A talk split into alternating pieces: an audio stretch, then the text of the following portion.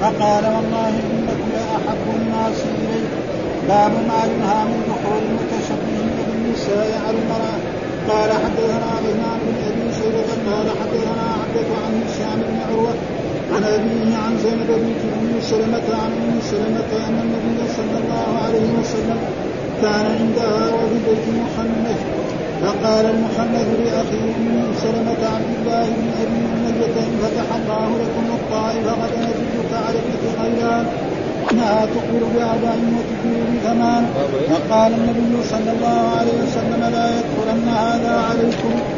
باب نظر المرأة إلى الحبش ونحو من غير قال حدثنا إسحاق بن إبراهيم الحنظلي عن النساء عن الأوزاعي عن الشهري عن عروة عن عائشة رضي الله عنها قالت رأيت النبي صلى الله عليه وسلم يسترني بردائه وأنا أنظر إلى الحبشة. وأنا أنظر إلى الحبشة يلعبون في المسجد حتى أكون أنا الذي أسلم فاقدروا قدر الجارية حديثة السن الحريصة على اليهود باب خروج النساء لحوائجهم قال حدثنا فروة بن أبي المعراء قال حدثنا علي بن مسلم عن هشام عن أبيه عن عائشة قالت خرجت سودة بنت سمعة ليلا فرآها عمر فعرفها فقال إنك والله يا سودة ما تخفين تخفين علينا فرجعت إلى النبي صلى الله عليه وسلم. فذكرت ذلك له وهو في حجرته يتعشى وإن بيده لعد عرقا فأنزل عليه فرفع عنه وهو يقول قد أذن الله لكن أن تخرجن بحوائجكن باب استئذان المرأة زوجها بالخروج إلى المسجد وغيره. قال حدثنا علي بن عبد الله قال حدثنا سفيان قال حدثنا الزهري عن سالم عن أبيه عن النبي صلى الله عليه وسلم إذا استأذنت امرأة أحدكم إلى المسجد فلا يمنعها باب ما يحل من الدخول والنظر إلى النساء بالرقاء قال حدثنا عبد الله بن يوسف قال أخبرنا مالك عن هشام بن عروة عن أبيه عن عائشة عن عائشة رضي الله عنها أنها قالت جاء عمي من الرضاعة فاستاذن علي فابت فآبيت أن آذن له حتى أسأل رسول الله صلى الله عليه وسلم. فجاء رسول الله صلى الله عليه وسلم فسألته عن ذلك فقال إنه عمك فاذني له قالت فقلت يا رسول الله إنما أرضعت المرأة ولم يرضع من قالت فقال رسول الله صلى الله عليه وسلم إنه عمك فليرد عليك قالت عائشة وذلك بعد أن ضرب علينا الحجاب. قالت عائشة يحرم من الرضاعة ما يحرم من العبادة. باب لا تباشر المرأة المرأة فتنعتها لزوجها. قال حدثنا محمد بن يوسف قال حدثنا سفيان عن منصور عن أبي وائل عن عبد الله بن مسعود رضي الله عنه قال قال النبي صلى الله عليه وسلم لا تباشر المرأة المرأة وتنعتها لزوجها كأنه ينظر إليها. قال حدثنا عمر بن حفص بن قال حدثنا أبي قال حدثنا الأعمش قال حدثني شقيق قال سمعت عبد الله قال قال النبي صلى الله عليه وسلم لا تباشر المرأة المرأة فتنعتها لزوجها كأنه ينظر إليها. باب قول الرجل لأطوفن الليلة على على نسائه. قال حدثني محمود قال حدثنا عبد الرزاق قال أخبرنا معمر عن طاووس عن عن أبي هريرة قال قال سليمان بن داود عليه السلام لا اطوفن الليلة بمئة امرأة تلد كل امرأة غلاما يقاتل في سبيل الله. فقال له الملك قل إن شاء الله ولم يقل ونسي فاطاف بهن فأطاع بهن ولم ترد منهن إلا امرأة نصف الإنسان. قال النبي صلى الله عليه وسلم لو قال إن شاء الله لم يحدث وكان أرجى لحاجته. يكفي أعوذ بالله من الشيطان الرجيم. بسم الله الرحمن الرحيم. الحمد لله رب العالمين والصلاة والسلام على سيدنا ونبينا محمد وعلى آله وصحبه وسلم أجمعين. باب ما يجوز أن يخلو الرجل بالمرأة عند الناس. يعني باب في حكم أنه يجوز للرجل أن يخلو آه، الرجل بالمرأة عند الناس. يعني مثال ذلك رجل مرأة تأتي إلى إلى أمير أو إلى حاكم أو إلى قاض أو إلى شخص تستفتيه نعم؟ فتقول له أنا لي حاجة أريد أن اكلمك ما أريد أحد يسمعها فيقف معها في جهة من الجهات في الشارع في الطريق وتكلمه عن حاجته. لأنها تستحي أن تقول إيه قدامه يكون هو جالس في مجلس مثلا عام فما تقدر تكلم بحاجتها فيقف معها بعيد مسافة كده وتكلم فما ما حد يسمع كلامه. فهذا معنى. ليس معنى يخلو معنى يدخل معاه في غرفة ويسك الباب لا. ها؟ هذا معناه ها؟ يخلو معناه يعني الناس الذي الجلوس لا يسمعون كلامها ولا وإيش قال له؟ هذا معناه يعني باب ما يجوز أن يخلو الرجل بالمرأة عند الناس. فلذلك حط عند الناس. هذا كلمة عند الناس يعني الناس مثلا تيجي المرأة تكلم شخص عادي. ها؟ قاضي مثلا في عصرنا هذا. أو حاكم أو أمير أو هذا تقول له أنا بكلمك كلمة ما أبغى أحد يسمعها. فيقعد معاه هناك بعيد. في الشارع ما ما في شارع أو في سن فلذلك نص هذه المرأة جاء في الحديث أنها قالت اقفي لي في الطريق. فوقفت في الطريق وكلمت رسول الله صلى الله عليه وسلم فقال لها الرسول هذا الكلام والله إنكم لأحب الناس الي هذا يعني وأما يخلو و والحديث خلو الرسول صلى الله عليه وسلم بمرأة أجنبية ما في شيء. ما ما يخاف على رسول الله لكن هذا عشان يصير حكم شرعي فأي إنسان حاكم أو أمير أو قاضي أو غير ذلك تأتي مرأة وتقول له أنا أريد اكلمك في حاجة يعني ما أريد أن يسمعها أحد. فيقف معاه في جهة من الجهات ويكلم أو يد أو مثلا في عصرنا هذا في غرفة للقاضي للإمام هذا قاضي. تدخل والباب مفتوح. فتكلم ما حد يكون معاه. ف... ولأجل ذلك نفس آنس قال إيه؟ يعني ما سمع الكلام الذي دار بين الرسول وبين المرأة إلا هذه الكلمة الجملة والله إنكم لاحب الناس اليه الثاني ما روى. هذا ها باب ما يجوز أن يخلو الرجل بالمرأة عند الناس والناس حاضرين. ها ليس معناه يخلو يدخل في باب الرسول ما يضر ها لو خلى بها ما في شيء لكن غير الرسول لا ما بشر ها فإن وهذا معناه الحديث قال حدثنا محمد بن بشار قال حدثنا بندر حدثنا شعبة عن هشام قال سمعت أنس بن مالك رضي الله تعالى عنه قال جاءت امرأة من الأنصار إلى النبي صلى الله عليه وسلم فخلا بها. ها؟ هشام. وهشام هذا ليس هشام ابن عروة. ها؟ هشام ابن زيد ابن أنس بن مالك. هذا هذا اصطلاح علمي يعني. هشام الناس أكثر يعرفوا هشام بن عروة. يعني هذا أكثر في الحديث. لكن هذا هشام ابن زيد ابن أنس بن مالك. عشان والا هشام كثير. هذا ابوه أحد الفقهاء السبعة وهو عالم. وأما هذا هشام يعني فهشام ابن زيد ابن أنس. ومعلوم أن أنس بن مالك دعا له الرسول صلى الله عليه وسلم بأدعية ثلاث أن يدخله الله الجنة وأن يكثر ماله وولده. فهو يقول كان أكثر الناس مالا. حتى أنه كان له بستان يثمر في السنة مرتين وكان أولاده واولاد أولاده وأحفاده فوق السبعين. وهذا كان من جملتهم هذا. آه هشام ابن زيد ابن أنس. فيصير إيه؟ يعني آه أنس بن مالك جده. آه آه قال جاءت امرأة من الأنصار إلى النبي فخلى بها فقال خلى بها وكلمته في حاجتها. ثم بعد ذلك الشيء الذي سمع أنس والله إنكم لأحب الناس إلي.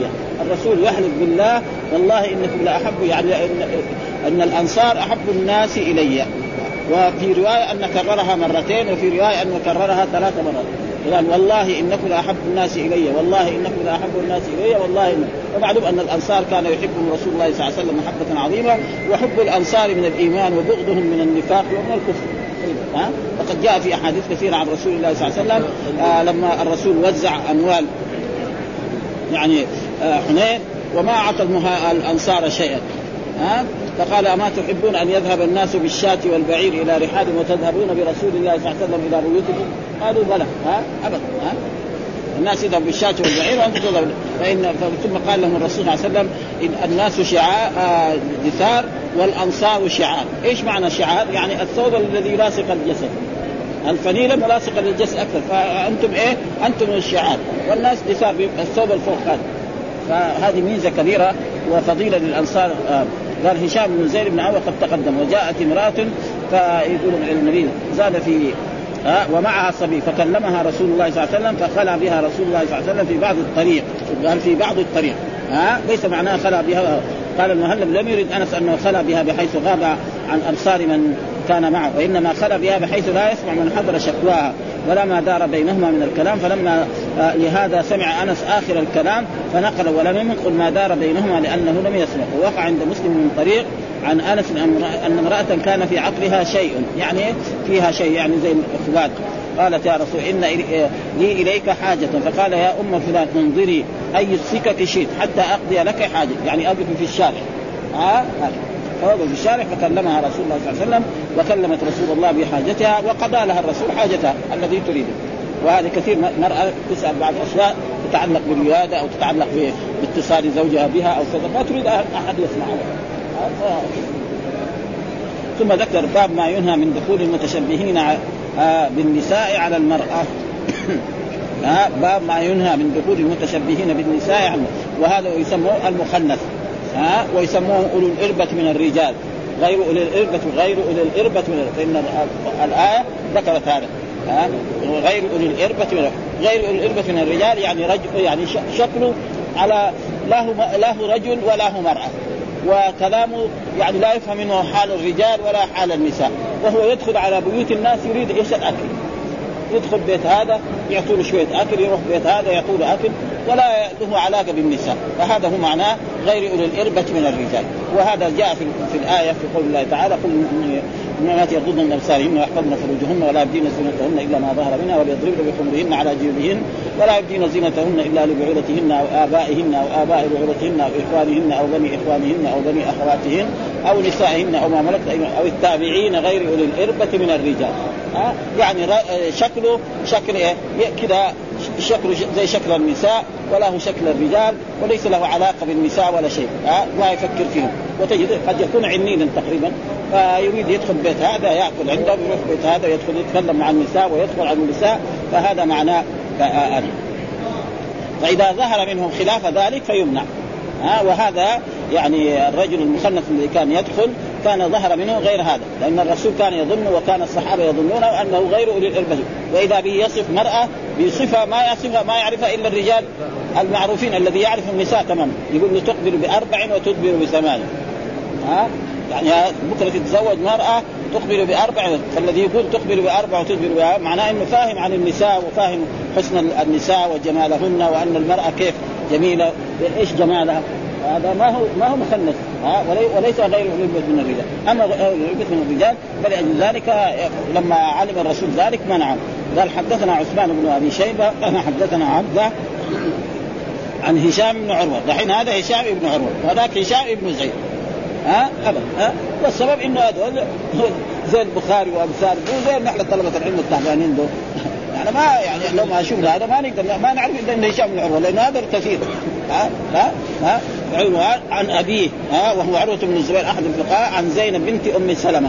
زينب هذه ربيبة رسول الله صلى الله عليه وسلم كانت تربت في بيت رسول الله صلى الله عليه وسلم عن أم سلمة عن أمها. يعني صحابي يروي عن صحابي ها يعني البنت تروي عن أمها فهي صحابية وأمها صحابي. وهذا كثير يوجد في الأحاديث أن كان عندها يعني كان عند أم سلمة وزوج وأم سلمة من أزواج النبي صلى الله عليه وسلم تزوجها بعد ما توفي زوجها وعزاها الرسول وقال له وقال وقال لها الرسول قل اللهم أجرني في مصيبتي واخلفني خيرا منه. فكانت تقول ومن خير من أبي سلمة؟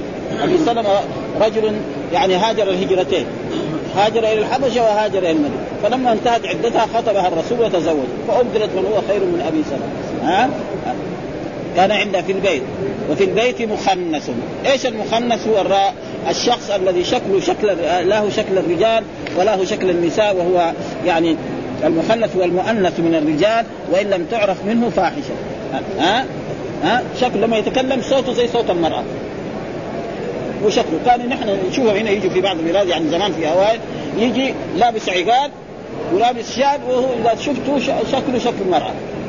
بس دحين ما بيشوفه. والا أول كان يعني في اوائل قبل سنين طويلة كان يجي من بعض البلاد الإسلامية ويجي إلى المدينة ويسموه مخنث أو أنت ذكر أو غير ذلك. فهذا هو المخنث قال هو المخنث هو المؤنث من الرجال وإن لم تعرف منه مأخوذ من التكسر في المشي وغيره. ها يعني يتكسر في مشي يمشي مشي ويتكلم بصوت زي صوت النساء. فهذا. فقال المخنث لأخي أم سلمة. ها قال المخنث هذا لأخي أم سلمة منه عبد الله بن أمية. من أخي ام عبد الله بن أمية إن فتح الله لكم الطائف غدا أدلك على ابنة غيلان. يعني بكرة إذا فتح الرسول لأنه معلوم أن الرسول بعدما فتح مكة ذهب إلى حنين وحاربها وانتصر عليها وأخذ من غنائمها وحاصر الطائف. نعم ثم بعد ذلك ما قدر له. ورجع إلى المدينة فيقول هو يقول لهذا عبد الله بن أمية الذي هو اخو من سلمة والانه يعني ان فتح الله عليكم مكة أدلك على ابنة غيلان. ها ابنة غيلان اسمها يقول بادية. ها ابنة غيلان تسمى بادية قال فإنها تخبر بأربع وتدبر بثمان يعني إذا أقبلت على الرجل تدبر بأربعة. الأربعة هذه بعضهم فس كل واحد يفسرها بشكل. يعني يمكن ثدييها المرأة لما تبدو ثدييها وتكون صغيرة. نعم. وكذلك مثلا يعني الجهة اللي بطنها هذا وهذه الجهة وتكون لما تكون سمينة يكون هذه تخبر بها وبعضهم قال أن تخبر وتدبر بثمان أو تدبر مثلا عينيها. يعني نظر المرأة لما تكون جميلة يكون عينها وإلى غير ذلك ف... وتدبر. تدبر بثمانية مثلا لما تكون ضخمة الجسم فتكون جسمها من فوق عالي ومن تحت كمان في علو. ها؟ ها؟ يعني الجهات وكذلك فخذها الذي اسفل يعني فخذها كذلك فيها علو. ها؟ فلذلك هذا معناه تدبر بثمان. وقال النبي صلى الله عليه وسلم وتدبر فقال النبي صلى الله عليه وسلم لا يدخلن هذا عليه هذا هذا ما هو مخنث هذا عارف يمكن بعض الرجال ما يعرف هذا الوصف الرجال الذي يتصل بالنساء ويجامع ولهم أولاد لو قلنا له صف مرأة بهذا الصفة ما يقدر يصفها. هذا معناه إنه مرة فاهم عن النساء ويعرف عنها كل شيء. فلذلك الرسول منعه وأمر بأن لا يدخل. واسم هذا المخنث يقول هي آه اسمه يعني جاء في هي اسمه. وهذا الوصف يقول وصفه ل لأخي عبد الله بن سلمة ووصف كذلك. ل... لعائشة رضي الله تعالى عنها. لاخيها عبد الرحمن بن أبي بكر. فإن عبد الرحمن بن أبي بكر أخ لعائشة وقال هذا المخنث لعائشة ولعبد الرحمن إن فتح الله عليكم أنا أدلك على ابنة غيلان. ابنة غيلان هذه وهي بادية تخبر بأربع وتدبر بثمان ولكن من الأشياء لما فتحت الطائف ما حصل لا عبد الله بن أمية ولا كذلك عبد الرحمن. إنما تزوجها عبد الرحمن بن عوف. لأن بعد ذلك أسلمت هي وأسلم أبوها وتزوجت عبد الرحمن لأن هذه زي ما يقول القضاء والقدر. هو دحين يبغى يتزوجها ما يحصل. كثير شخص يبغى يتزوج مرأة ويدخل بها ما رب إذا ما قدر له ما فلذلك هنا يقول فقال لا يدخلن هذا عليكم. فإذا هذا ليس أولي الإربة من الرجال. فالرسول نهى وقال له لا, لا تدخل. فهنا يقول لو فتحت لكم الطائر لقد أريتك بادية بنت غيلان واختلف في ضبط بادية. ها تخبر بأربع وثم قال أن عكانها ينعطف بعضها على بعض، العكان معناه يعني فوق ما فوق الإلية وما تحته يعني مع مع مع, مع السنن ومعلوم أن كثير بعض الناس يفضل أن تكون المرأة يعني فيها ضخامة في الجلد. أربعة وتبلغ أطرافها إلى خاصرتها. الخاصرة معناه ما فوق إيه؟ فوق الإلية. هذا هو يعني وفي كل جانب أربعة والعياذ بالله. وهنا كذلك هذا و... و... وكانت أطراف هذه العكن أربع عند منقطع جبينها ثمانية وحاصل انه وصف بأنها مملوءة البدن بحيث يكون لبطنها عقل. وذلك لا يكون إلا للسمينة من النساء. وجرت عادة الرجال غالبا في الرغبة في من تكون بتلك الصفة وعلى هذا آه، وعلى هذا. فقوله في حديث سعد إن اقبلت آه، قلت تمشي بست وإن أدبرت قلت تمشي بأربع كانه يعني يديها ورجليها. ومعلوم يديها ورجليها زي ما جاء في حديث اذا جلس بين شعبها الأربع. ثم جهد فقد وجب الغسل. إيش شعبها الأربع؟ هناك هو إيه؟ اليدان والفخذان ها أو الساقان والرجلان. وإنما نقص إذا أدبرت لأن الثديين يحتجبان حينئذ. وذكر ابن الكلب في السنة المذكورة زيادة بعض وتدبر بثمان بثغر كالأقوحان. ثغر معنى الأسنان حقها يعني نظيفة وبيضاء على أحسن. وقد قد تكلم وإن تكلمت تغنت وبين رجليها مثل الإناء المنفوخ مع شعر آخر إلى غير ذلك.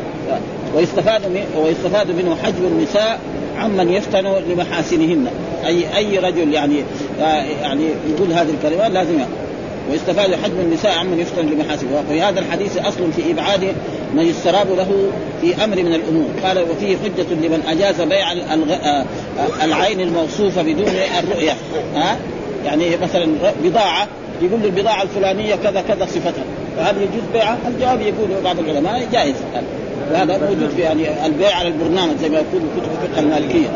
بيع على البرنامج. ف وتعقب من بانهم من اختصر في بيع جارية على ما وقع في الحديث من الصفة لم يكفي في صفة البيع، يعني في نعم في في الجاريه ما يكفي، قلت إنما أراد المهذب إنه يستفاد منه أن أن الوصي يكون مقام الرؤيا. ها فإذا استوعب الوصف حتى قام مقام الرؤية المعتبره أجزأ. وهذا مراده وانتزاعه من الحديث ظاهر. وفي الحديث أيضا تعزير آه تعزير من يتشبه بالنساء بالإخراج من لأن الرسول نفاه.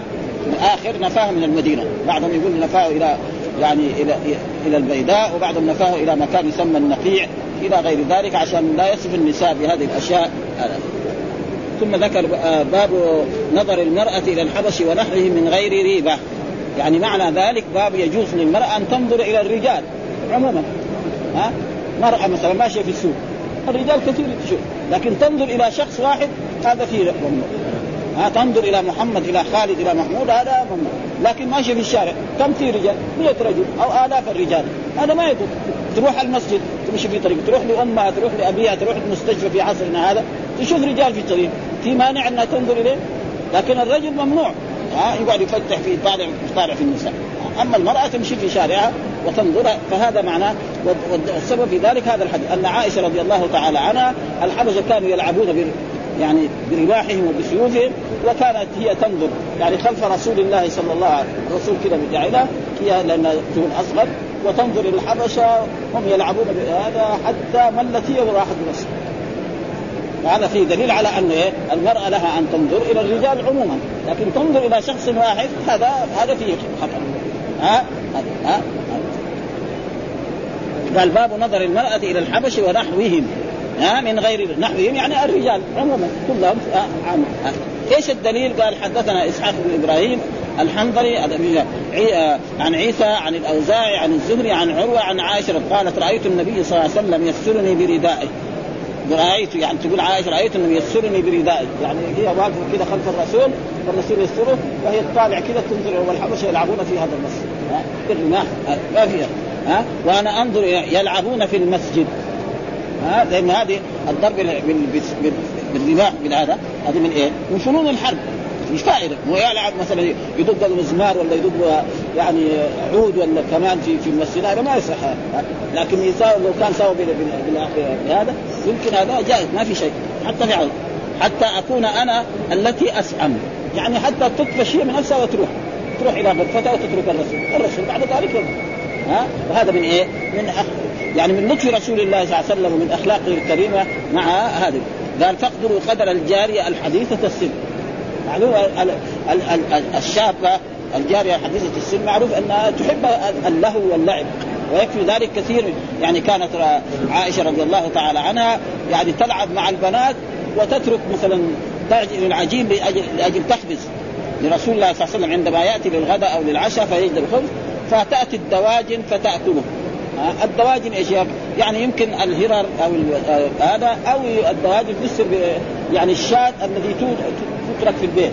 يعني رجل يكون عنده غنم كثير يرسلهم في الصباح إلى المرعى. واحدة تكون طيبة كده يخليها في البيت ولا فهذيك لما تمر تدخل في البيت تلتقي عجين تاكل. تيجي بعد الظهر تبغى تخبز العجين وإذا العجين قد اكلوا الدواجن معناه يأتي الرسول ولا في عجين. لأنها صغيرة السن ويكفي ذلك تلعب عرايس. ها؟ مثل ما قد تقدم لنا في حديث أن الرسول لما مر عليها عاد من خيب آه، من من تبوك وجاء هوى ورفع الستار. فلما رفع الستار الرسول رأت. قال ما هذه يا عائشة؟ قال هذه بناتي. ها؟ من إيه؟ من خروج زي ما كان بناتنا. هنا يساووا عرايس. معروف يعني في المدينة شيء معروف. بس دحين لما جاءت الأشياء الحديثة هذه بطلوا. صاروا يشتروا من السوق. إن عنده بنت ولا هذا يشتري له من البنت. من السوق يعني هذا وإلا أول كان يساوي أنا شاهدته. وغير الناس شاهدوا يعني ها؟ ثم فقال طيب وما هذا الذي وسطهم؟ قال وسطهم هذا فرس. الفرس ما له جناح. كده مساوي فقال له الرسول طيب الفرس ما له جناح؟ قال اما سمعت عن فرس سليمان. هي كده قالت ها؟ فضحك الرسول يقول حتى بدت نواجذه. فهذا دليل أن الماء الشابة الصغيرة. ولذلك أي رجل يتزوج بنت صغيرة إن يعني إن تصبر عليها وتحملها في المستقبل تصير زوجة. تمام. وإذا تحامل يطلقها وهي صغيرة. أبدا ها؟ ولذلك الأول كان يزوج بنت عمرها تسع سنوات. ها؟ عشر سنوات. الآن لا. بسبب هذا أصبح يعني هي خلاص لما تصير عمرها الخامسة عشر السادسة عشر تعرف تحب الزوج وتحب الاتصال الجنسي فهذا مع ثم استدل بهذا وكان ذلك يقول بعد الحجاب ها وكان ذلك بعد الحجاب. حجة منع حديثه هو الحديث المشهور آه. آه. وكذلك آه. آه. في حديث مثلا الرسول لما كان دخل عبد الله بن آه عبد الله مؤذن رسول الله صلى الله عليه وسلم إيه عبد في سورة عبسة؟ ابن مكتوم عبد الله بن مكتوم لما دخل على أزواج الرسول فقالوا يا رسول إنه أعمى ما يرانا. قال أفعمواني أنتم؟ إذا كان هو أعمى ما يراكم. أنتم بتشوفوه ليش؟ يقول السبب في ذلك ما دام هو أعمى قد يكون هو لما يكون أعمى يمر عليهن ويكتشف شيء من أعضائه. وينظر إليه. هذا هو. وإلا إذا هو ما يراه ما في محذور لكن هو لما رجل أعمى قد يمر مثلا يبان ساقه أو يبان فرجه كمان. آه ومعلوم أن ذاك اللباس إزار ورداء. أو اللي عنده إزار ما عنده رداء. فلذلك هذا ما حجة من آية؟ قد تقدم هذا الحديث قال فاقدر وقد لكن تقدم ما يعكر وإن بعد في تركيا إن ذلك كان بعد قدوم وفد الحبشة وكان قدومهم سنة سبع ولعائشة يومئذ ستة عشر سنة. فكانت بالغة وكان ذلك بعد الحجاب. وحجة منع حديث أم سلمة الحديث المشهور أفعنواني أنتما؟ وهو حديث أخرجه أصحاب السنة من رواية الزهري عن نبهان مولى أم سلمة وإسناده قوي وأكثر ما علل به انفراد الزهري بالرواية عن نبهان وليست بعلة. الزهري إمام الأئمة هذا ما يقدح فيه لم يروي فإن من يعرف الزهري يصير بأنه مكاتب أم سلمة ولم يخرجه أحد ها لا تضد ذلك ولم يخرج أحد يعني غيره؟ والجمع بين الحديثين احتمال تقدم الواقعة أو أن يكون في قصة الحديث الذي ذكره نبهان شيء يمنع النساء من رؤية لكون ابن مكتوم كان أعمى فلعله كان منه شيء ينكشف ولا يشعر به ويقوي الجواز استمرار العمل على جواز خروج النساء إلى المساجد والأسواق. وفي حديث قدم لنا لا تمنعوا إماء الله مساجد الله. لا تمنعوا إماء أي مرأة أرادت يعني تذهب إلى المسجد فلا يجوز. وكان النساء على عهد رسول الله يصلين خلف رسول الله صلى الله عليه وسلم ويخرجن في صلاة الصبح ما يعرفن أحد من الغلس طيب. وكان عمر بن الخطاب زوجته تقول له أنا أريد أن أذهب إلى المسجد. يسكت هو. تقول له إذا منعتني أنا أمتنع. ما يقدر يمنعك لا تمنع الحديث يعرفه هو. لا تمنع إماء الله وقال رجل من الصحابة أظن الزبير أو غير ذلك زوجته أرادت تذهب المسجد فهو لما خرجت خرج خلفها وغير ثيابه وغير صوته. ودفها في الشارع هناك. بس زعلت خرج زعلت ورجعت للبيت قال فسدت الناس اخلاقهم ثاني مرة ما تروح هو يبغى كذا. ها ها ابدا. هو ابدا غير صوته وغير شكله. فدفها كذا في الشارع وكذا. زعلت ورجعت إلى البيت لانها مراه مؤمنة من الصحابيات وهو هذا بغيته. واما عمر كان ابدا. تقول له إذا منعتني أنا امتنع فلذلك كذلك إذا كان لها حاجة. ها الآن في عصرنا هذا تخرج. في شيء يخرج من عن الحاجة تروح المسجد. تروح لامها تزورها تروح لقريبها ها تزور جارتها تروح تعزي. مثلا جارتها مات ولا ناس ماتوا من أقارب. تخرج من بيتها تروح تعزي. ما في شيء. ها؟ دكان ها؟ تروح نعم نعم. إذا ما في أحد يقوم بها. إنه بعض النساء ما يرضوا الزوج يشتري. يمكن. ها؟ فقال قال خروج النساء لحوائجهن. معناه جواز خروج النساء لحوائجهن. إيش الدليل؟ قال حدثنا فرج بن المغراء حدثنا علي بن مسهر عن هشام عن أبيه عن عائشة قالت خرجت خرجت سودة. سودة مين بنت زمعة من أزواج النبي صلى الله عليه وسلم أمهات المؤمنين فرآها عمر فعرف فقال إنك والله يا رسول الله ما تخفينا والله إنك يا سودة ما تخفين عليه يعني نحن نعرف ليه؟ لأنه مثلا المرأة رجل يعرف مرأة.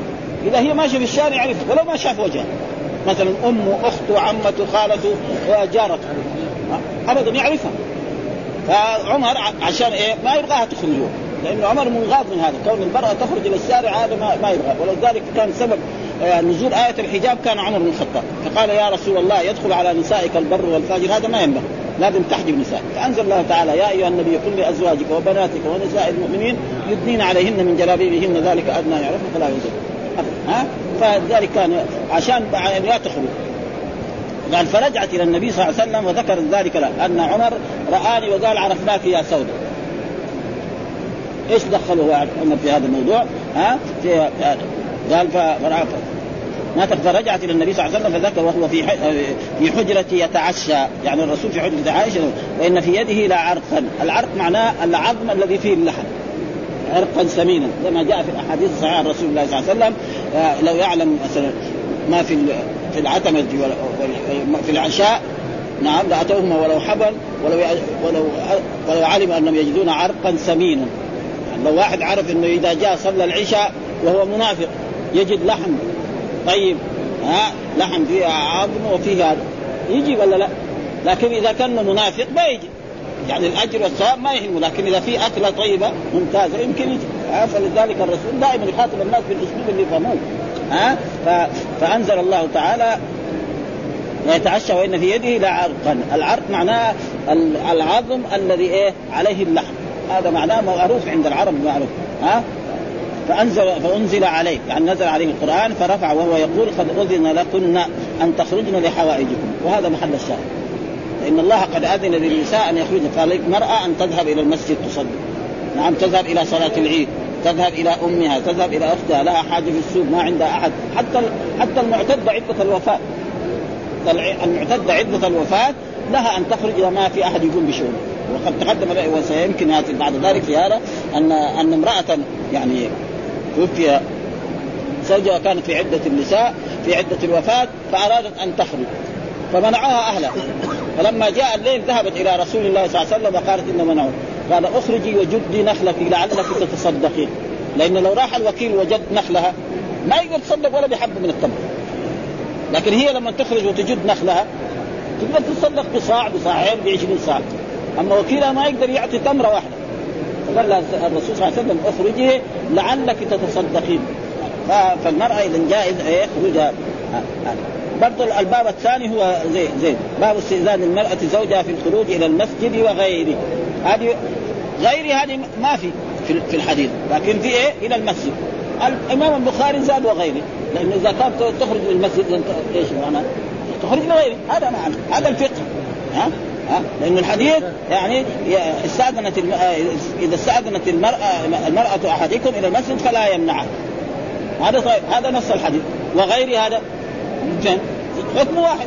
حكم واحد أبدا. ما في شيء فإذا أرادت تروح لأمها. يقول لها لا ما تروح لأمك إلا أنا معك تخرج تروح لامها سواء ليلا أو نهارا ها؟ تبغى تروح تعزي بعض أقاربها مات لهم قريب أو تهني أو تذهب إلى زواج فرح.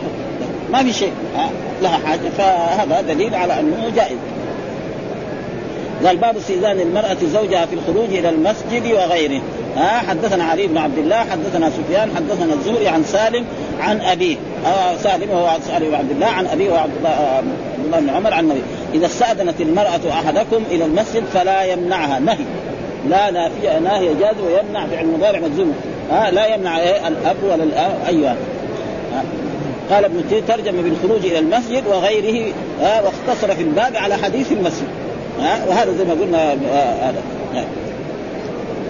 وأجاب بأن عليه قاسه ها؟ والقياس معروف. يعني واحد يقول ما في قياس كمان ما هو صحيح. ها؟ والجامع بينهما ظاهر. ويشترط في في الجميع أمن الفتنة بشرط أن لا يكون في هناك فتنة. ثم ذكر باب ما يحل من الدخول والنظر إلى النساء في الرضاع. باب ما يحل. يعني ك... يعني أي شخص بينك وبينه رضاعة نعم فإنه يكون محرم. ليه؟ لأنه في الحديث الرضاعة تحرم ما يحرم النسب. فمعلوم أن المرأة أبوها من النسب. ها محرم. فأبوها من الرضاع. ها إذا كان مرأة ارضعت هذه المرأة فإنه يصير إيه؟ يصير زوج المرأة هذا إيه؟ أبوها من الرضاع. هذا الرجل الذي الذي المرأة التي رضعت منه لها له أخ. فيصير هذا الأخ إيه؟ عم لهذه المرأة من الرضاع. ها؟ كذلك إذا كان له جد فجد أبو فهذا الابو جد لهذه الطفله من الرضاع سواء كان ذكرا أو أنثى. الذين رضعوا سواء واحد رضع السنة وواحد رضع بعد عشرين سنة أخوان من الرضاع. أما الإخوان الثانيين اللي ما رضعوا ما لهم دخل. مثلا رجل ولد محمد رضع مع المرأة الفلانية من المرأة الفلانية فيصير هذا الأخوان. طيب أولاد الثانيين اللي ما رضعوا ما لهم دخل ها ها ينتبه. والرضاع المحرم سيأتي بيانه تمام. أن يكون في في الحولين شرط أن يكون في الحولين وأن يكون كذلك خمس رضعات. هذا أصح الأقوال. أصح الأقوال الذي يعني تدل عليه النصوص أن يرضع الطفل الرضعه الأولى يمسك الثدي ويرضع ويترك ثم يمسك الثدي ويرضع ثم يمسك ويرضع. خمس مرات فتحرم أما إذا كان رضع أو رضع وهذه فيه خلاف. فأصح الأقوال هو مذهب الإمام الشافعي رحمه الله تعالى ومذهب الإمام أحمد أنه خمس رضعات. وجاء في أحاديث تقدمت لنا أنه كان عشر رضعات محرمات ثم نسخ العشر بخمس وتوفي الرسول وهن يعني ليست موجودة في القرآن يعني نسخت في الأخير فبعض الناس ما يدروا عنها ما سمعوا عنها وهناك أحاديث لا تحرم المجة ولا المجتان ولا الاملاجة ولا الإملاجتان وإذا الذي يحرم إيه؟ نعم يعني ما زاد عن إيه؟ عن الاثنين يعني ثلاث وهناك زي المالكية يقول لا أي رضاع ليش؟ يقول والوالدات يرضعن بس خلاص مسكوا هذه الآية وخلاص يرضعن خلاص مسكوا هذه يعني ولو كذا جغمة قليله ولا فرق بينهم. ولكن إذا رجع للنصوص يعني تقريبا النصوص يعني تدل على هذا وفي هذا يعني أسعد المذاهب يعني وإذا حصل شك فلا شك. ها دع ما يريبك إلى ما لا يريبك ها مثل ما تقدم من حديث الرجل أن المرأة جاءت إلى إلى إلى, إلى رجل وامراه فقال إني أرضعتكما. فذهب إلى الرسول. فقال تقول هذه اذان فقال له طيب وقد قيل إيش تساوي؟ تقعد معاه الناس يقولوا هذا شوف قاعد مع أخته من الرضاعه ضجه في البلد طلقها ما الرسول ما قال له طلقها ها؟ الرسول ما قال يعني كيف؟ وقد قيل. قالوا إن أختك. طيب ما تطلقها؟ إيش الناس يقولوا في البلد؟ والله هذا متزوج اخته جالس معه. مشكلة يعني ها؟ فعلى كل حال. ثم كذلك إذا فتح هذا الباب على مصراعي كل مرأة عجوز تريد أن تفسد بين رجل وامرأة تجي تدعي. إني أرضعتك أنت وزوجك ها ويروح المحكمة قال إيه؟ حكمة يعني. فلذلك مسائل مثل هذه لا يفتح على مصراعيها ولا هذه. لا. قال إيش الدليل؟ قال حدثنا عبد الله بن يوسف أخبرنا مالك عن هشام بن عروة عن ابي عن عائشة رضي الله تعالى أنها قالت جاء عمي. ها؟ ها؟ عمي من الرضاع فاستأذن علي. عمي من الرضاع فأبيت أن آذن له. يعني قلت ما تدخل عليه. حتى أسأل رسول الله صلى الله عليه وسلم. لأن هذول أزواج الرسول صلى الله عليه وسلم لهم حرمة غير ذا. فجاء رسول الله صلى الله عليه وسلم فسألت فقال إنه عمك. حتى في بعض الروايات تربت يمينك. يعني أنت جاهلة. إيش معنى تربت يعني التصقت يمينك بإيه؟ بالأرض. ومعنى إنك جاهلة. العم من الرضاع. لأنه في الحديث الرضاعه تحرم ما يحرم النسب. معلوم العم من النسب إيش؟ حرام. يتزوجها ما يتزوج. فالعم من الرضاع كذا حكم واحد. ها؟ إنما ارضعتني المراه إنما ارضعتني المرأة. طيب المرأة كيف جاء الحليب هذا؟ ما جاء الحليب إلا بعد إيه؟ جماع وبعد حمل وولادة. ف ف ف فزوج المرأة هذا أب لإيه؟ لهذا الطفل. طيب أخوه عم لهذه أمه جد لهذه المرأة. أخته خالة لهذه المرأة. أب أبوه جد لهذه الطفل. وهكذا. ها, ها, ها ولم يرضعني قال فقال رسول إنه عمك فليلد. يعني فليدخل ها؟ قالت عائشة وذلك بعد أن ضرب علينا الحجاب وهو يا النبي قل لأزواجك وبناتك والنساء. قالت عائشة يحرم من الرضاعه ما يحرم من الولادة ها؟ وهذا معروف الذي يحرم من النسب معروفين والذي يحرم من الرضاعه معروفين ف ثم ذكر باب لا تباشر المرأة المرأة ها؟ فتنعتها لزوجها مثال ذلك يعني مرأة تروح مثلا في زواج من الزواجات وترجع لزوجها تقول والله أنا شفت اليوم فلانة. يعني على أحسن ما يكون. جميلة جدا ها وجهها كذا وصفتها كذا وطولها كذا ومن أحسن ما يكون. فيقوم الرجل الرجل دائما يحب المرأة الجميلة. قد يكون يؤدي يطلقها. ها؟ قد يؤدي أن يطلقها. ويروح يتزوج هذه أو يقعد في إيه؟ في مشكلة. ولذلك نهى لا لا تروح المرأة تنعت لأنه المرأة تقدر تقول له هذه المرأة صفتها كذا. يعني تقدر تقول كذا جسمها كذا. هي سكينه أو ضعيفة أو كذا وشكلها كذا وعيونها كذا. فالرجل يعني فلذلك نهى الرسول لأنه هذا يؤدي إلى إلى ضرر إما عليها هي وإما على غيرها. باب لا تباشر المرأة المرأة فتنعتها لزوجها أو لغيرها. أما يعني شخص آخر يبغى يتزوج فهذا يمكن يجوز. ها؟ لأنه هنا قال لزوجه حدثنا محمد بن يوسف حدثنا سفيان عن منصور عن أبي وائل عن عبد الله بن مسعود ها رضي الله تعالى عنه قال قال لا قال النبي لا تباشر المرأة المرأة فتنعتها كأنه ينظر إليها. ها أو تصورها الحين في عصر هذا يمكن تصور ها يكون عندها كاميرا تصور ثم توديها لك هذا أشد وأشد كمان ها كل هذه أشياء يعني لا ينبغي أن أن تحصل في في الإسلام وفي إيش الدليل؟ كمان الحديث الثاني حدثنا عمرو بن حفص بن غياث حدثنا أبي حدثنا الأعمش قال حدثني قال سمعت عبد الله وهو عبد الله بن مسعود دائما قال قال النبي صلى الله عليه وسلم لا تباشر المرأة المرأة فتنعتها لزوجها كأنه ينظر إليها. قال زاد النسائي في ها في في الثوب الواحد. لا تباشر المرأة المرأة في الثوب الواحد وتنعتها كأنه ينظر. قال الخامسة هذا أصل أصل لمالك في صد فإن الحكمة في هذا النهي خشية أن يعجب الزوج الوصف المذكور فيفضي ذلك إلى تطليق الواصفة أو الافتنان بالموصوف. ها؟ إلا وصفته يقوم يطلقها يروح يتزوج أو الافتنان بالموصوفة يروح يبغى يبغى يشوفها. إلا لازم يشوفها. تمام ولا لا؟ هاي يقعد في محلات أو يكون ما هي طيبه يمكن يؤدي إلى الزنا وإلى الفجور. فلأجل ذلك ممنوع ان يفعل ذلك وقع في رواية النساء يعني لا تباشر المرأة المرأة ولا, ولا الرجل الرجل. وهذه الزيادة ثبتت في حديث ابن عباس عنده وعند مسلم وأصحاب السنن نعم. لا ينظر الرجل إلى عورة الرجل ولا تنظر المرأة إلى عورة المرأة ولا يفضي الرجل إلى الرجل. يعني لا يجوز للرجل أن ينظر إلى إلى عورة الرجل. وكذلك المرأة لا تنظر إلى نعم هذا. ولا تنظر إلى عورة المرأة ولا يفضي الرجل إلى الرجل في الثوب الواحد ولا تفضي المرأة إلى المرأة في, في الثوب الواقع فيه تحريم نظر الرجل إلى عورة الرجل والمرأة إلى عورة المرأة وهذا مما لا خلاف فيه. وكذلك الرجل إلى عورة المرأة والمرأة إلى عورة الرجل حرام بالإجماع. ونبه صلى الله عليه وسلم بنظر الرجل إلى عورة الرجل والمرأة إلى عورة وعلى ذلك بطريق الأول. ويستثنى الزوجان. أما الرجل مع زوجته يطالع عورته يطالع عورته ما في شيء ها؟ ها والعوره المراد السواء يعني ويستثنى الزوجان فلكل منهما النظر إلى عورة صاحبه. إلا إلا في السوءة اختلاف. السوء يعني الفرجين ها يعني القبل والدبر أو فرج الرجل والظاهر أنه جائز. ما في شيء يعني ما في ها اختلاف. والأصح الجواز لكونه يكره حيث لا سبب. ها إذا بغى جامعه بده لازم يشوف فرجه. ضروري هذا ها ها بالتشبيهات؟ إيه. وكذلك إذا كان في ضرورة إذا في ضرورة حتى الرجل مرأة تتعسر ولادتها من يحضر ولادتها يمكن يجي طبيب دكتور الان ها؟ بس إنما هم عملوا شيء إنه الطبيب يعني في المملكة العربية السعودية أن الطبيب هذا الرجل ما ما يتولى كشف فخذها. تستر هي ويكشف المحل العضو الذي هو يريده. ها؟ ها؟ يعني يخلوا دائما معاه مرأة. يعني هنا في المملكة العربية السعودية لابد يكون هناك مرأة مع الطبيب. ها؟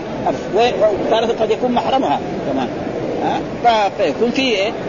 وهذه المرأة تتولى ستر المرأة. بس لو يبغى يكشف فخذها ما يشوف بطنها. ما له ها؟ يشوف فخذها. فعلى كل حال وإذا أمكن تكون مرأة كان أحسن. ها؟ ولذلك كثير من الناس ما يرضوا. ابدا. ثم باب قول الرجل لأطوفن الليل على نسائي. يعني آه قول الرجل كان يعني كان يقول إيه لأطوفن الليلة على نسائي إن شاء الله. فسليمان عليه السلام ما قال إن شاء الله. فلما ما قال إن شاء الله طاف على مئة مرأة. وقال كلهم يعني ما قال إن شاء الله. قال كل واحدة تلد ولد وهذا الولد يكبر ويجاهد في سبيل ما قال. فطاف على النساء كلهم ثم ما واحدة منهم الا ولدت نصف رجل إنسان. فقال الرسول لو قال إن شاء الله ولذلك الله في كتابه قال ولا تقولن لشيء إني فاعل ذلك غدا إلا أن يشاء الله، إيش سبب نزول هذه الآية؟ أن أن قريش أرسلوا إلى اليهود. قالوا أنتم أهل الكتاب وهذا محمد. نعم يقول نبي ورسول. أنتم تعرفوا الأنبياء لأنكم أنتم أهل كتاب. فقال اليهود لقريش اسألوا محمد عن ثلاث أشياء. فإذا أجابكم عن اثنتين ولم يجبكم عن الثالثه فهذا دليل على نبوته ورسالته اسألوه عن شباب فتيا لهم قصة عجيبة في التاريخ. واسألوه عن شخص طوف الأقطار كلها المشارق والمغارب واسألوه عن الروح. هذه الثلاثة اسالوه عنه فجاءت قريش آه وسألوا الرسول عن ذلك فهذا في مكة قبل أن يهاجر. فقال أخبركم غدا. ما قال الرسول إن شاء الله. فتأخر الوحي عن رسول الله صلى الله عليه وسلم شهرا كاملا ثم أنزل الله تعالى آه قصة أهل الكتاب والفتح والكهف قالوا ربنا آتنا من لدنك رحمة وهينا ويسألونك عن ذي القرنين قل سأتلو عليكم من ذكرى ثم بعد ذلك ويسألونك عن الروح قل الروح من أمر ربي. فلازم يؤمنوا كويس خلاص أجابهم عن اثنتين آه قالوا هذا ساحر كبير ها آه إني أعرف أشياء زي هذا والسبب عداوة. ها بس والا معروف ان هذا قال حدثنا محمد محمود حدثنا عبد الرزاق قال أخبرنا معمر عن ابن طاووس عن أبيه عن أبي هريرة قال سليمان بن داود عليهما السلام. لا توفن الليل بمئة امرأة سواء كان يعني وقد يكون عند في شريعتهم يجوز ها ها مثل ما الرسول جاز له تسعة نسوة يكون في في في شريعة سليمان عليه السلام وشريعة داود أنه يجب ويكفي ذلك إن هذا أخي له تسع وتسعون نعجه ولي نعجه وعمر قال اكرمنيها وعزني بالخطاب قال لقد ظلمك في سؤال نعجتك إلى نعاج والمراد بالنعاج هنا النساء هذا أقوى التفاسير فهم لهم أما في هذه الأمة فلا يجوز للرجل المسلم أن يتزوج أكثر. ولذلك هذا غيلان اللي كان تقدم لنا كان متزوج عشر نسوة. فلما أسلم أمره الرسول. نعم. نعم يطلق ستة ويبقي أربعة. العشره دول يشوف إلا يبغاهم أربعة. أكثر من أربعة ما يجوز لأن الله فانكح ما طاب من النساء مثنى وثلاث وأربعة لما أسلم. ها؟ فلا يجوز لمسلم أن يتزوج أكثر. الآن في بعض البلاد الإسلامية يتزوج أكثر من هذا. في بعض البلاد. أكثر من هذا. لأنه ف لأطوفن الليل. يعني والله لأطوفن الليل بمئة امرأة تلد كل امرأة غلاما يقاتل في سبيل الله. فقال الملك يعني آه، قل إن شاء الله فلم يقل. ونسي يعني مو يعني امتنع قال ما أقول. لا نسي. ها؟ وهذه شيء. فأطاف بهن. ها؟ يعني طاف معناه يعني إيه جامعهن لا إيش معنى الطواف؟ هنا؟ معنى الجماع. زي ما تقدم من الحديث أن الرسول طاف على نسائه التسع في حجة الوداع لما وقلنا غير ما مر أن أن مسألة الجماع هذه لها ألفاظ كثيرة حتى مر علينا أن لها يعني 100 كلمة لفظ يدل على الجماع. ها؟ منها طاف ومنها جامع ومنها رفث ومنها ومنها ومنها. حتى قال يقول ألف. لأنه شيء مهم بالنسبة إيه؟ للعرب. فلازم يكسروا له. في بعض الكلمات لو دورنا عليها ما نجد لها لها لها مادتين أو ثلاث. وقد تقدم في كتاب الطهارة في باب من دار على نسائه في غسل واحد وهو قريب من معنى هذه نقرا هذا الباب. لا يترك أهله ليلا إذا طال الغيبة مخافة أن يخونهم أو يلتمس عثراتهم. باب هذا كمان نقرأ. باب لا يترك أهله ليلا. يعني باب في نهي الرسول صلى الله عليه وسلم أن الشخص المسافر إذا عاد من سفره لا يأتي ويدخل على زوجته وأهله ليلا. ليه؟ لأن هذا الآن المرأة زوجها غائب ما يحتاج تتجمل. نعم؟ أو يكون لها هذه الأيام مريضة وجاء أبوها نام عندها أو أخوها من الرضاع أو أخوها من النسب. هو يجي يطرق الباب ويدخل ويشوف رجل في البيت يأخذ سيف ويضربه. يقول هذا رجل جايز من زوجي. أما لما يجي في النهار يفتح الباب يشوف أبوها شايف أبوها شايف أخوها. فلذلك الرسول نهى عن ذلك وقال إيه؟ لا إيه لا يترك إذا طال الغيبة. أما إذا مثلا سافر مسافه قريبه مثلا الناس يحجوا مثلا الآن في عصرنا هذا في المدينة مثلا يحج راح الحج وجاي يوم 13 أو يوم 14 وجاء الساعة 12 في الليل. يروح بيته. لأنه عارف إن زوجها يبغى يجي. لكن واحد سافر إلى أمريكا ولا سافر إلى مصر ولا سافر إلى بلاد ما يجي في الليل يطرق الباب. قد يكون ثم هي تكون ما هي مستعدة لأنه زوجها ما في ما تتجمل. يشوف شعرها كده منبوش وحالتها حوايجها وسخه يكرهها. لذلك أما لما عارف إن زوجها يبغى يجي تستحد وتتنظف وتقابل زوجها أحسن من ها؟ قال مخافة أن يخونهم. ها؟ يخونهم يعني يجد ابا لها من الرضاع أو اخا أو في بيتها أو أو يشوف مرأة يظنها رجل مع الظلمة. ها؟ ها؟ أو يلتمس عثرات يدور إيه؟ يعني عثرات زله لزوجته. إيش الدليل؟ الرسول نهى عن ذلك. قال حدثنا آدم حدثنا شعبة حدثنا محارب بن قال سمعت جابر بن عبد الله رضي الله قال كان النبي يكره أن يأتي الرجل أهله طروقا يعني إيه؟ طروقا يعني في الليل. ها؟ لازم يأتي في إيه؟ في النهار. أو يكون عندهم خبر. ها, ها؟ مثلا الرسول لما آه، جاء مرة من أحد السفرات قال لا تتركوا حتى تدخلوا مساء. مساء معناه في العصر. فإذا دخل مساء في العصر ها؟ لا تدخل في أول النهار حتى إيه؟ يعني المغيبة. يعني تصلح نفسها. مثلا كان لها شعور. في في, في عانتها تزيل هذه الشعور والوساخة هذه وتتنظف إلى غير ذلك ف اتى رجل اوقف حدثنا محمد بن مقاتل أخبرنا عبد الله قال أخبرنا عاصم بن سليمان عن الشعبي انه سمع جابر بن عبد الله وقال إذا طال أحدكم الغيب فلا يترك أهله ليلا. إذا طال. ها سفره طويلة. وأما إذا كان غير ذلك فلا فلا ها إذا طال قال إذا طال الغيب فلا يترك أهله ليلا. لأن في هذا يؤدي إلى إيه؟ إلى أشياء يعني لا وفي حديث أن النبي كان لا يترك أهله وكان يأتيهم غدوة أو عشاء. أخرجه وقال أهل اللغة الطرق بالضم المجيء بالليل من سفر أو غيره على غفلة. ويقال لكل آت بالليل طارق ولا يقال بالنهار إلا ما جاء كما تقدم تقريره في أواخر الحديث. وفي الكلام في الرواية الثالثه حيث قال لا يترك أهله ليلا. ومنه حديث طرق طرق طرق عليا وفاطمة. ها؟ لأنه في حديث تقدم لنا في الصلاة أن الرسول جاء إلى علي وفاطمة وهما نائمين. فقال لهم قوما فصليا. ها؟ فقال أنفسنا بإيه؟ يعني بيد الله إن شاء يقظنا وإن شاء. فالرسول ضرب خفضه وجاء راجع وقال كان آه، كفورا أو كذا يعني. ها؟ ها؟ ها؟ إيش الآن؟ إن الانسان ها إن الإنسان إيه؟ هذا ف... ف...